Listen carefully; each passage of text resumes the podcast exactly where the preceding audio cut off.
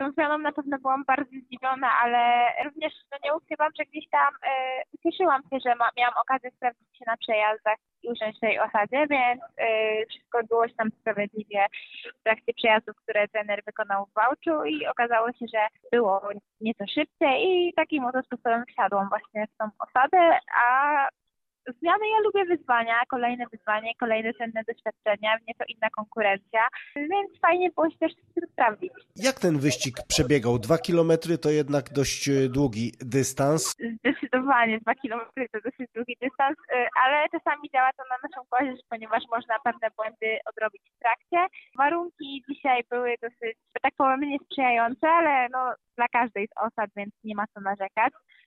No, rundki okazały się po prostu dzisiaj mocniejsze, ale mamy nadzieję, że my się dopiero rozpędzamy. Niedługo mamy okazję jeszcze sprawdzić się w kolejnych startach, więc mam nadzieję, że ta osada będzie tylko coraz szybsza.